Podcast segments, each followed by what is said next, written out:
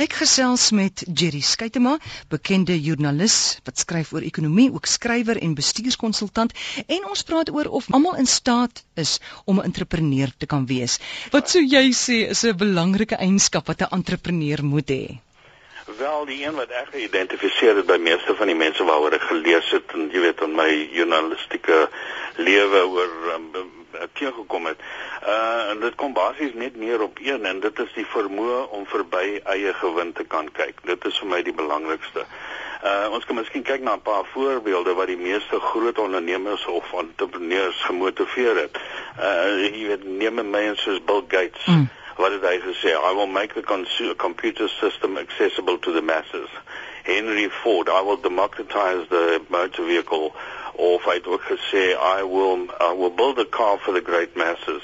En Raymond Ackerman, jy weet ons eie Raymond Ackerman, sy hele motivering was gewees I will protect the consumer against ex exploitation.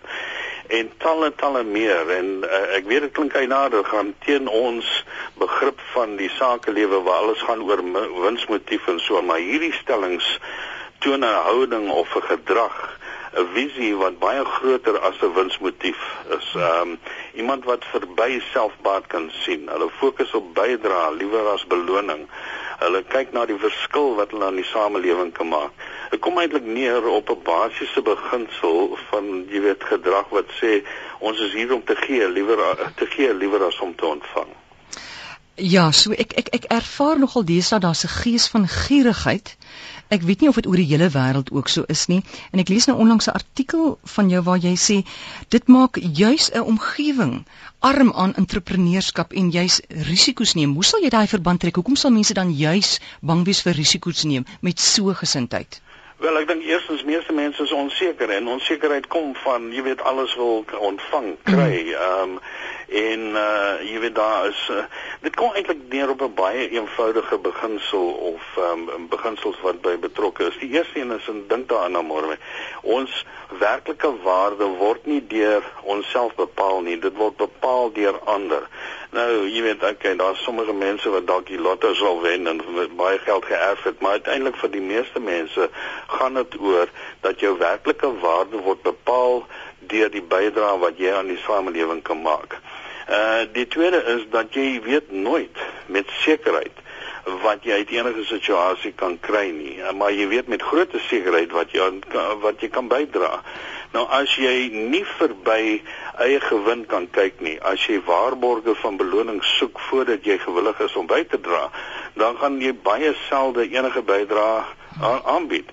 En dit is net daar waar jy jou eie ondernemerskap of jou eie entrepreneurskap smoor. Eh, die punt is nie dat jy nou 'n groot gees gaan word sê maar 'n groot jy weet uh, bestuurende direkteur van 'n groot konglomeraat nie. Maar die punt is jy kyk altyd geleenthede mis want jy sien hulle nie raak nie. En as die meeste mense in 'n samelewing so dink en soos jy self genoem het dit dit is nou meer en meer 'n uh, uh, uh, uh, beginsel van van van die samelewing wat ons nou nou teekom. As die meeste mense so dink dan het jy natuurlik 'n uh, baie onvrugbare teelgrond vir ondernemerskap of entrepreneurskap geskep. Nou wat kan ons doen om vir ons tieners die regte gesindheid te leer oor entrepreneurskap? Ek dink dit begin baie vroeg. Dit begin by ouerskap, dit begin in die huis, dit begin by die invloed van, jy weet, kinders op 'n ja, baie jong ehm um, uh, ouderdom.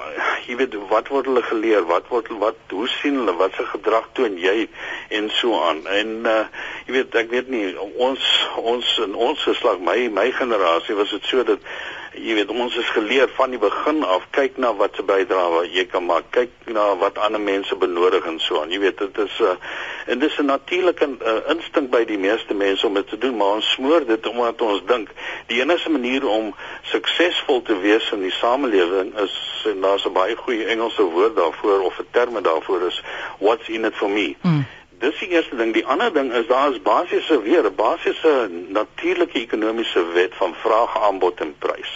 As jy kyk na die samestelling, die verhouding tussen daai drie, hulle bestaan nie om mense te verryk nie. Hulle bestaan aanbod bestaan ehm um, om omdat hy vraag bedien. So daai verhouding, vraag is daar om te te bedien te word deur aanbod.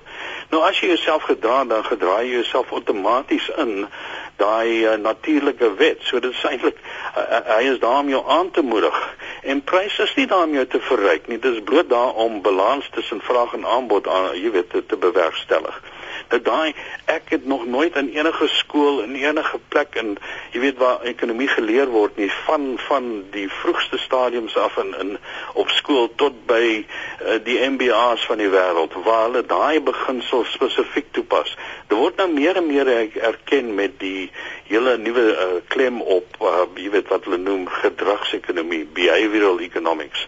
En uh, mense begin besef maar men, jy weet gierigheid en en en self uh selfbaat en winsmotief en so aan is eintlik ouderwets nou dit die, jy weet daar is 'n ander perspektief dit is die nuwe goed wat ons op skool moet leer en dit is die goed wat die kind wat was veral tieners wat nou begin jy weet in die in die ehm um, werksplek in in beweeg wat hulle moet leer Ek net so bly jy sê dit. So daai gierigheid is ouderwets. Dis ouderwets.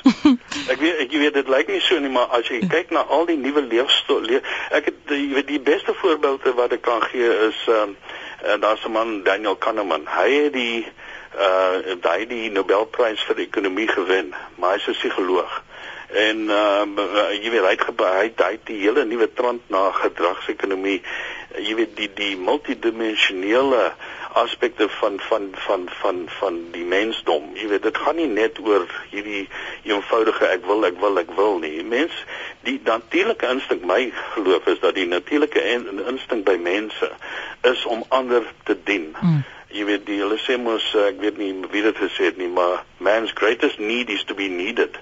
Mm. En en dit is hoe as jy as jy so as jy binne ekonomiese wette dit begin toepas dan gaan jy geleenthede oopmaak. Jy sal dinge sien wat jy nooit raak gesou gesien het nie en so aan. Jy begin baie meer bewus raak van wat mense benodig en hoe jy dan hulle kan bedien en dit is die kern van enige eh, goeie sake bedryf. So jy sê dit is dit is dan tipies van 'n suksesvolle entrepreneuriese gedrag om mense te bedien. Van, meeste van hulle het dit getoon en, en dit is meeste van die mense wat ek ken wat ek oor gelees het, dit was die een groot eienaars, jy weet eienskap wat hulle gehad het. Hing maar Jerry as mens dink aan al die groot entrepreneurs nê, is almal so. Ek dink ook aan Richard Branson nê. Ja. Wel, uh, hy hy vir my was jy weet wel meeste mense dink jy kan jy kan 'n jy kan 'n onderneming heeltemal moet beplanning gaan onderhewig aan beplanning aan dinge soos koste, voordeel, tipe van oorwegings mm. en pryse en dit en dat en so aan. En dat en dit is daai geloof wat meeste van die mense dink die enigste manier hoe ek 'n entrepreneur of 'n onderneming kan wees is as ek nou geoktroeëerde rekenmeester word. Richard Branson sy een van sy uh, bekendste stellings wat hy gemaak het is hy het gesê when i start a new venture i never call the accountants in. I do it on gut feeling you weet. Ja. Dit sê baie. Ja nee Watter invloed het ekonomiese wette op sukses? Wel, soos gesê, daar's die daar's twee daar's twee aspekte van wette, daar's landswette. En ek is nie 'n kenner op daai gebied nie, maar ek weet wel dat daar is mense wat sê daar's te veel rompslomp en dat die die landswette is nie heeltemal uh jy weet aanmoedigend tot uh, klein sakebedrywe en en entrepreneurskap nie. Uh ek dink dit is besig om te verander. Uh jy weet die hulle nou besef dat jou grootste indiensneming ehm uh, geleentheid lê eintlik by die klein klein bedryf, klein sakebedryf. So hulle is besig om uh, baie goed daarna te kyk. Maar soos ek gesê die die natuurlike wette van die natuurlike ekonomiese wette van vraag, aanbod mm en uh, en prys is daar om jou aan te moedig. Vraag aanbod is daar om vraag te bedien. Gedraai jy so kan jy dan, dan al wat jy nodig het is sekere tegnieke. Jy weet ek wil net iets byvoeg. Ek sê nie wins is nie belangrik nie. Wins is eintlik baie belangrik. Maar is nie meer belangrik as sê maar goeie arbeids ehm um, jy weet verhoudinge en en so en so voort nie.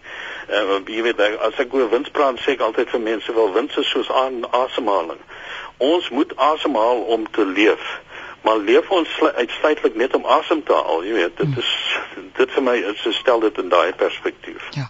Jerry ek gaan jou hier groet. Dis 'n mond vol. Ek hou van wat jy sê. Gierigheid is ouderwets.